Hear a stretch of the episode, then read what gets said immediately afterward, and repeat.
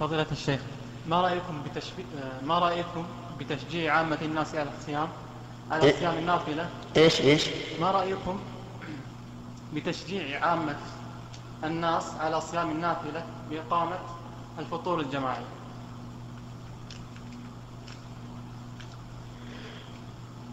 أرى أنه لا بأس به لكن الأولى تركه لأن الصحابة رضي الله عنهم ما كانوا يسلكون هذه الأساليب.